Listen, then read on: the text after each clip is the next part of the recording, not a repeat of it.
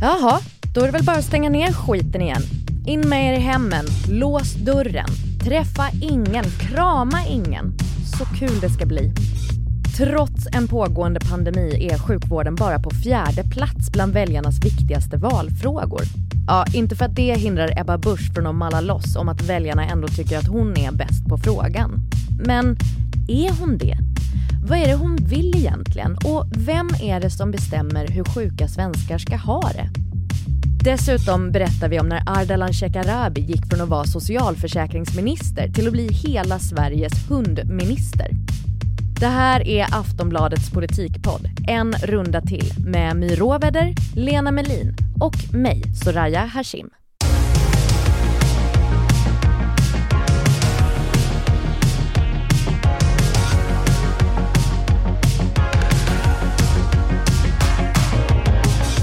Hörni, är ni taggade på en till våg av restriktioner, överbelastad vård och inställda glöggfester? Nej, fy fan vad låg jag kände mig igår. Ja. Och vad tråkigt det var. Känns det som att vi bara en gång till? Ja, det, nej, det kändes som 75 gånger till ligger framför mig. det gäller att ha kul nu för att imorgon är det för sent. Ja, är det så ansvarigt? Passa Om på man att liksom gå ut och så här, hångla med halva Stureplan. Imorgon blir det restriktioner. Ja, det är inte det jag har på min fritid ändå. Jag känner mig rätt lugn. Eh, för jag tänker nu att nu när liksom vintern och julen kommer pyntas med omikronvarianten så känns det som att det är en bra tid att snacka om vården här i podden. Hur viktig är frågan om vården för väljarna just nu?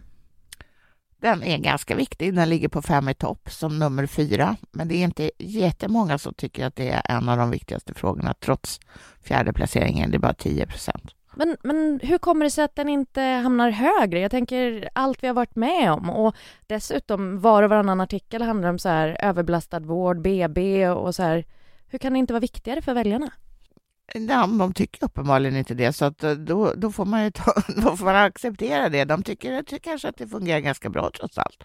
Ja men det är ju lite så det här att man, väljarna tycker det är viktigt men det präglar inte politiken eftersom det är lite svårt att veta eftersom den ligger på en annan nivå än rikspolitiken. Ja men precis, vi ska faktiskt gå in på det nu för jag tänkte det att innan vi går in på detaljerna av det här så får du My ta på dig SO-lärarhatten och ha högstadielektion igen. Men, men tänk att du förklarar för en klass med väldigt mycket fokusproblem.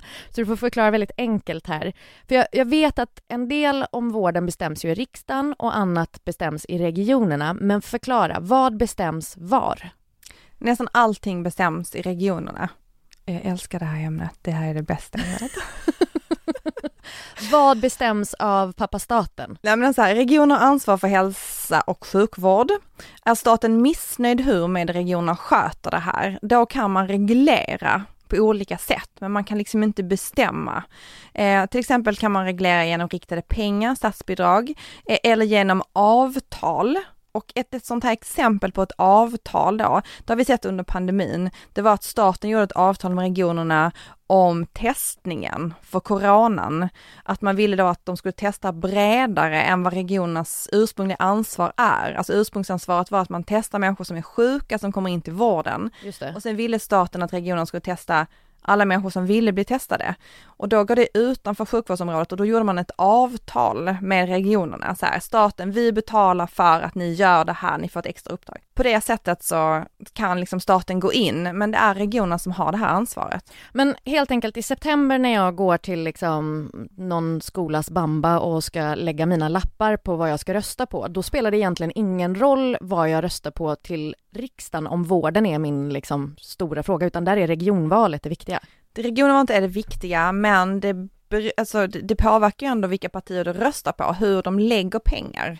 Alltså om de gör de här riktade statsbidragen eller liksom vilka satsningar man gör som går till regionerna. Men det är ju regionerna som bestämmer hur liksom vården utformas. Alltså, det är ju jätteviktigt vilka man lägger, var man lägger sin röst i det nationella valet också, för all lagstiftning sker ju på nationell nivå. Man kan säga att staten lagstiftar, regionerna utför. Och ibland då så, så säger staten, gör lite mer än vi har kommit överens om här i lagen. Och då då brukar regionerna få mer pengar, vilket de fick till exempel för den här testningen. Men eh, på, på tal om regioner, ni har ju redan hört detta, men eh, producent Olivia skickade ett klipp på när Katarina Wahlgren som är gruppledare för vänstern skulle försöka sig på en egen liten SO-lektion i regionfullmäktige i Stockholm i tisdags. Vi föds alla med olika skedar i munnen mannen. Och ej, vi föddes i Stockholm, Sveriges rikaste region, i alla fall på vårdval. Här kan du välja från en gigantisk tårta. Tårtan är centrerad till Stockholms innerstad med Dr. Kry och Dr. Bry och Dr. Glad. Men när du söker vård i orten står det stängt forever på porten. Berätta om era känslor. Vad känner ni? Alltså jag tycker att det är trevligt när folk försöker ta initiativ för att lätta upp stämningen och i det här fallet var det någon slags julavslutning i regionfullmäktige i Stockholm. Så Men, du är för? Ja, egentligen. Alltså jag menar principiellt är jag för. Sen kanske inte det här var så väl utfört om jag uttrycker mig milt. Mm. Det är ju underbart att någonting som handlar om ett regionfullmäktige kan bli viralt en dag. Fem plus på det. Säger någon som har gjort mer för demokratin än, än eh, Katarina Wahlgren. En mycket bra genomgång på vad regionen har ansvar för. Pow, pow, pow. pow, pow. Men eh, om vi går tillbaka till den här frågan då med liksom vad som ligger på regionerna och vad som ligger på staten. Varför är det strukturerat på det här sättet? Ja men alltså det här står ju i vår regeringsform, det här är liksom grunden för vår demokrati, den här uppdelningen med eh, lokalt självstyre. Och varför det är så här, det är ju för att man tydligt ska kunna ansvarsutkräva. Och det är ju så här att om eh, en medborgare ska ju kunna påverka då det som sker i närmiljön. Den ska också förstå vad den ska liksom kunna välja bort i ett val och ansvarsutkräva om det inte är bra. Mm. Och då ska det då vara tydligt att regionen hanterar sjukvården. Om du inte är nöjd med den så ska du kunna påverka den genom dina val. Om regionen har ansvar men staten är inne och pillar hela tiden och liksom reglerar och så här, eh, då blir liksom, då blir den här ansvarsutkrävningen svårare och det är det vi har sett under, under pandemin, att det har blivit otydligt i vem kan ansvarsutkrävas för vad? Liksom, var finns ansvaret för att det har gått dåligt? Men jag upplever samtidigt att då liksom under pandemin så har det upplottats vissa brister i det här systemet. Vad är den största kritiken mot det här systemet vi har med att det är uppdelat i regionerna? Ja, den största kritiken är ju att det är olika och det är det som är avsikten med, med, med själva regionuppdelningen, att det ska kunna vara olika. Mm. Men det är också um, ett, som inte har med pandemin att göra så finns det ju en annan baksida och det är ju, eh, eller en baksida som är, är uppenbar och det är ju att eh, vissa regioner är ju rikare än andra och de har universitetssjukhus, det har inte andra och så vidare. Så att eh, vården kan ju helt enkelt vara bättre på vissa håll än den är på andra. Mm. För jag tänker också, Kristdemokraterna vill ju skrota systemet vi har och de vill att staten ska sköta vården istället. Har de något stöd i det här? Ja, det finns ju andra partier som är inne på samma spår. Vilka är det? Ja, bland annat är det Sverigedemokraterna och jag tror Vänsterpartiet, fast de kanske bara tycker om förstatligande av skolan. Alltså vänstersidan har ju en annan Eh, de har ju liksom en eh, ideologisk fråga som är viktigare i det här med liksom hur vården styrs och det är ju vinster i välfärden, alltså liksom det offentliga versus det privata. Och så att hela deras eh, sjukvårdspolitik grundar sig på det. Det är liksom den delen av deras ideologi som de har i sjukvårdsfrågan. Men sen så är det ju det här med med att Kristdemokraterna vill eh, slopa regionerna. Alltså det största stödet de egentligen har fått för det under senaste tiden, det är ju att Coronakommissionen har i sitt nu andra delbetänkande var ju väldigt kritiska till hur den här uppdelningen ser ut. Mm. Och då var det ju att man menade att det här systemet med 21 självständiga regioner med sjukvårdsansvar gjorde att det blev svårt att liksom styra upp under pandemin. Det var svårt att få alla regioner att gå åt samma håll eh, och det var också väldigt svårt för staten att liksom samordna det. Men den här, det här apropå betänk eller liksom coronakommissionen, det här slutliga eh, kommissionen om, om hanteringen av pandemin kommer i februari. Det är tredje och sista om vem som har gjort eh, fel och så vidare. Kommer det resultatet påverka väljarna? Det får vi se. Vi får se vad de lägger fram för kritik. Ja, ja sen eh, så det handlar det också om hur regeringen tar tillvara eh, Coronakommissionens slutsatser. Mm. De kan ju helt enkelt bara lägga det till handlingarna. Säga tack och hej. Ja, det var intressant. Kul att ni tyckte något. Intressant läsning kan man säga. Det var ju lite det som hände nu andra gången. Det var så här jättefin kritik, vi håller inte med riktigt. Ideologiskt borde inte Kristdemokraterna som är blåa vilja ha privat vård? Hur går det ihop med att förstatliga vården? Kristdemokraterna är ju inte ett frihetligt parti, det är liksom inte så ett liberalt parti i mitten, i den breda mitten. Nej men det är, det är inte frihetligt, så att på det sättet är det ju inte ehm, eh, de är ju inte liksom lika mycket för den här fria marknaden, de är inte Centerpartiet som liksom kanske är så här frihetsextremister. Nej. Men sen är det också att de har identifierat sjukvården som sin USP. Ja. Att de är det enda borgerliga partiet som pratar om sjukvården, som liksom har någon slags ägande i den här frågan. Och därför så kommer vi nog se att de kommer att driva det ännu hårdare. Den här frågan om förstatligande, de har ju också haft den typ alltid. Och det finns ju, väljare blir belönar också stringens, alltså man belönar liksom att man håller fast vid någonting, att man vet, man vet vad man ska förvänta sig, man vet vad liksom basen för politiken är. Så att de är ju ja men de vill ju liksom verkligen lyfta fram sig som det blåa sjukvårdspartiet för att traditionellt så är det ju Socialdemokraterna som äger den här frågan, som har högst förtroende i sjukvårdsfrågan. Och det är väl det som har hänt nu då, att det kom, ett, eh, det, det kom ehm, eh, en undersökning som visade att Kristdemokraterna hade störst förtroende bland väljarna när det gällde vården. Ja, det, det har de haft länge. Och beror det på detta då, att de har varit stringenta, och, eller vad beror det på? Jag, jag, tror att det beror på att hon är väldigt tydlig, Ebba Busch. Det är väldigt svår, lätt att följa med i hennes resonemang. Och de lanserar sig som eh, det svenska vårdpartiet. Ja, Eh, tills, har man upprepat det där tillräckligt många gånger så är det klart att det går hem. såklart. Ja. För hon har ju inte tagit på sig liksom den, den blygsammaste klänningen när det kommer till de här siffrorna som kom in. Vi ska lyssna lite. Det här är så uppenbart att den största ökningen utav vårdköer, det skedde innan pandemin. Det här är era köer, Magdalena Andersson. Era vårdköer, Socialdemokraternas vårdköer. Hur, hur är liksom, vad är hennes strategi här? Hur kommer hon utnyttja det här med siffrorna som har kommit in och liksom, eh, vad, vad är hennes plan? Nej, men hon kommer fortsätta som hon gjorde i förra valrörelsen. Då pratade hon också om det här. Ja. Vårdköer. Men, du, upplever inte att hon har liksom vridit upp eh, volymen? Nej. Det, det är samma hela tiden? Ja. Och det slut betalar sig sånt. Ja. Vad, vad ska Magdalena Andersson göra då? Ja, så jag tror ju så här att Socialdemokraterna har ju eh, satsat ofta väldigt mycket pengar på välfärden, inklusive vården i, i statsbudgeten. Och det, jag tror att det är det de kommer att fortsätta med. Och så, eh, sen hoppas de att deras lokala företrädare drar lasset i valrörelsen på det lokala planet och då, då har vi ju då den ordinarie så att säga, kroppsvården i regionernas regi och sen har vi det äldreomsorgen i, i eh, kommunernas regi. Mm, just det, för det är ytterligare en annan grej att, att äldrevården ligger inte hos regionerna utan hos kommunerna ett snäpp till.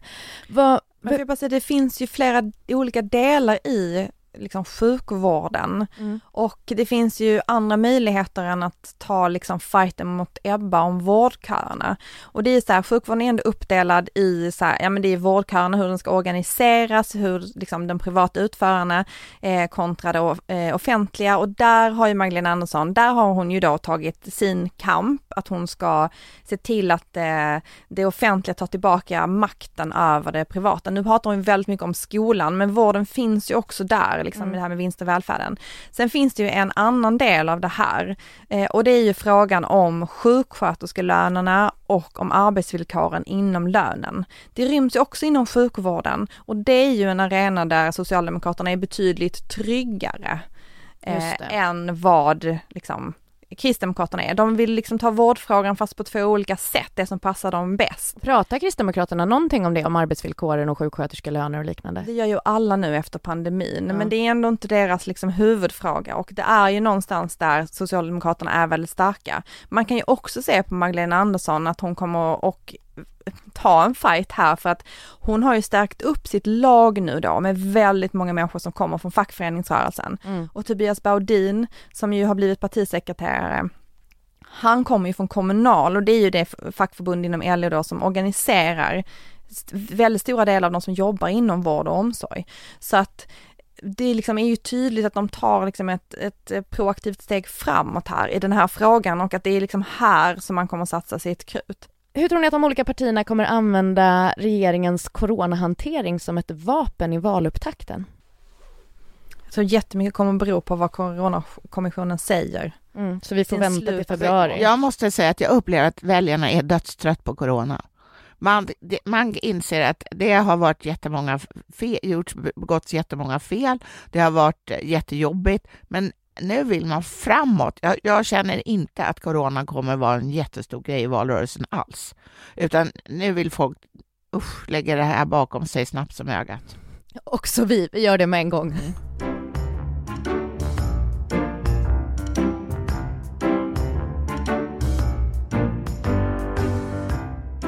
My, du, du skickade ett meddelande till mig om en eh, viss ministers julkalender på Instagram. Varsågod, Ardalan Shekarabis julkalender. Välkomna till årets julkalender. Jag har ju kört julkalendrar i många år nu och den traditionen fortsätter vi med.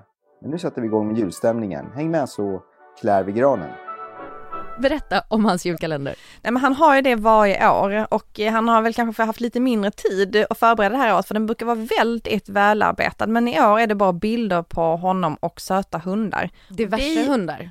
Absolut en per dag och det är ju gulligt med söta hundar, eller jag tycker kanske inte så jättemycket om hundar, men det är ju gulligt med djur. Eh, men jag vet inte, 24 dagar på raken i olika hundar, man tänker ju att det kan inte vara nyttigt att träffa så många olika hundar. Spontant Lena, för eller emot Ardalan Shekarabis julkalender med hundar? Jag tycker det är fånigt. Men ja, alltså han är ju inte den enda politikern som vill bygga sin persona i sociala medier, liksom visa att de är män och kvinnor av folket. Ulf Kristersson lägger ju också upp bilder på hundar. Ebba Busch lägger upp att hon myser med sina barn och går på Carola-konsert.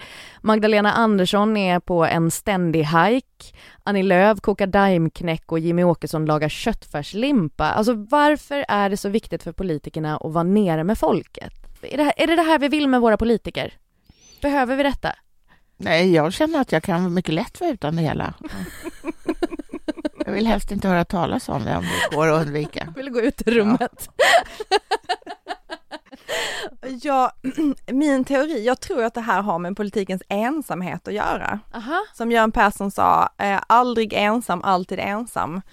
Att det är ett sätt att umgås med människor också. Att få kontakt. Men har de inte, inte jättemycket för... människor runt omkring sig hela tiden? Ja men det är det som aldrig ensam, alltid ensam handlar om. Ja. Man har alltid människor runt omkring sig men man kanske ändå är ganska ensam i det. Mm. Eh, och att många gånger så, så tänker jag att det handlar om det. Att man får umgås med människor liksom. Så du tänker så inte att det är strategi? Att det är liksom val? Jag tror att vissa delar är strategi. Ja. Jag tror att Annie Lööfs YouTube-satsning till exempel, det är ju strategi. Det handlar om politik, de har tagit in en cool klippare, det handlar om att liksom nå en ny målgrupp, det tror jag. Ja. Däremot tror jag att hennes sociala medier som hon ju rattar själv, inte är strategi på samma sätt, utan mer ett sätt att liksom ge uttryck, att få kommunicera och hänga med människor. Jag, det är bara min teori, jag vet, jag vet ju inte, jag känner inte dem privat så att jag kan inte svara på. Jag, jag kanske är mer cynisk då, för att jag tänker att det här är någon slags amerikanisering, att man ska liksom, man ska visa sig så himla mänsklig för väljarna och därmed få fler röster för att folk relaterar till en sån person. Ja men det tror jag är, det tror jag är avsikten. Ja. Däremot kanske inte alla är så framgångsrika på den punkten. För jag tänker det här har ju liksom noll procent med politik att göra. Ardalan Shekarabi är inte hundminister. Och, och det här med att dra upp grejer i sina sociala medier som inte har med ens politik att göra finns det ju andra politiker som har dragit ännu längre. Lena, du skrev ju om Annika Strandhälls twittrande tidigare i veckan. Eh, kan du berätta för den som inte har hunnit läsa din text vad den handlade om? Annika Strandhäll hade synpunkter på en eh, tvist mellan Expressen-journalisten Magda Gad som hade låtit sig intervjuas i SVT-programmet eh, Min sanning. Och tvisten den handlade om eh, en fråga som hon påstod att hon hade fått under intervjun. Och Eh, den hade, då hade eh, Annika Strandhäll synpunkter på det, trots att hon ju inte visste vad SVT mm, tyckte i den här frågan. Och de, deras uppfattning var att frågan överhuvudtaget aldrig hade ställts. Just det. Och, och varför var det olämpligt då att gå till Magda Gads försvar, tyckte du? Ja, därför att för det första har väl Annika Strandhäll viktigare grejer att göra. Till exempel att eh, fixa slutförvaret för eh, kärnkraftsavfallet. För det andra så, så hade hon ju inte hört båda sidor, en gyllene regel inom journalistiken, innan hon hade en uppfattning. Ett annat känt exempel är ju Margot Wallströms Twitterbråk med Camilla Läckberg om att Läckberg hade sagt att hennes garderob var husets viktigaste rum i ett tv-program, Svenska powerkvinnor. Att det, liksom hennes poäng var väl typ så här att det inte var feministiskt nog av Läckberg att, ja, är det, så, är det det här som är att vara en svensk powerkvinna, att tycka att garderoben är ens viktigaste rum? Alltså, Berätta för mig, varför tycker dessa politiker att deras näsa har plats i alla skålar och att just deras typ hundsmak är relevant?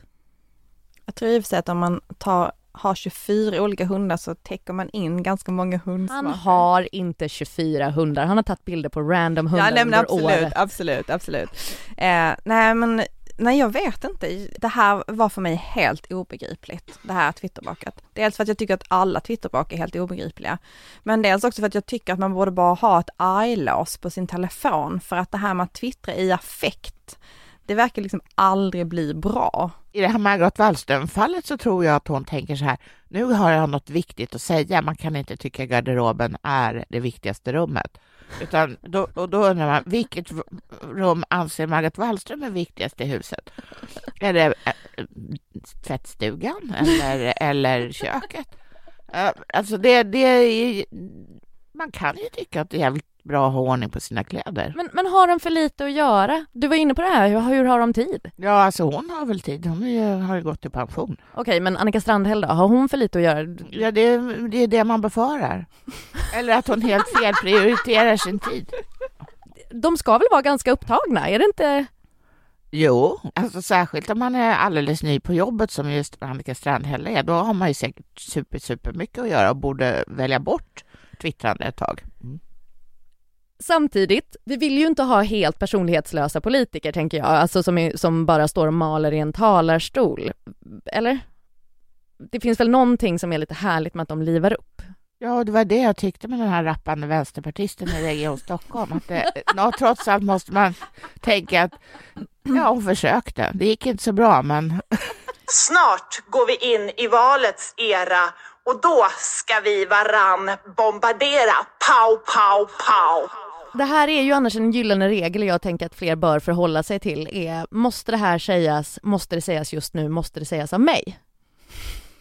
Är det, är det någonting du ofta frågar dig? Ja, det gör jag faktiskt. Det, det, det kan ju vara en sån här liksom broderad tavla som de kan ha vid sidan av skrivbordet. Är det någon av er som kan korsstygn? Ska vi liksom sätta... Men vi kanske har någon som lyssnar som kan det? Ja, om någon kan det. Skicka det till oss. Ja, tack. Om ni har frågor som ni vill att Lena och My ska svara på här i podden så kan ni nå oss på podcast.aftonbladet.se. Ja, eller om ni vill anmäla ert intresse för att brodera något fint här till studion. Vi som har gjort programmet idag är Olivia Svensson, My Råväder, Lena Melin och jag heter Soraya Hashim. Vi hörs nästa vecka. Hej!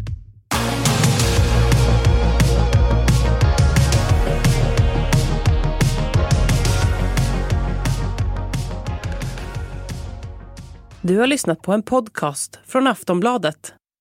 Ansvarig utgivare är Lena K Samuelsson.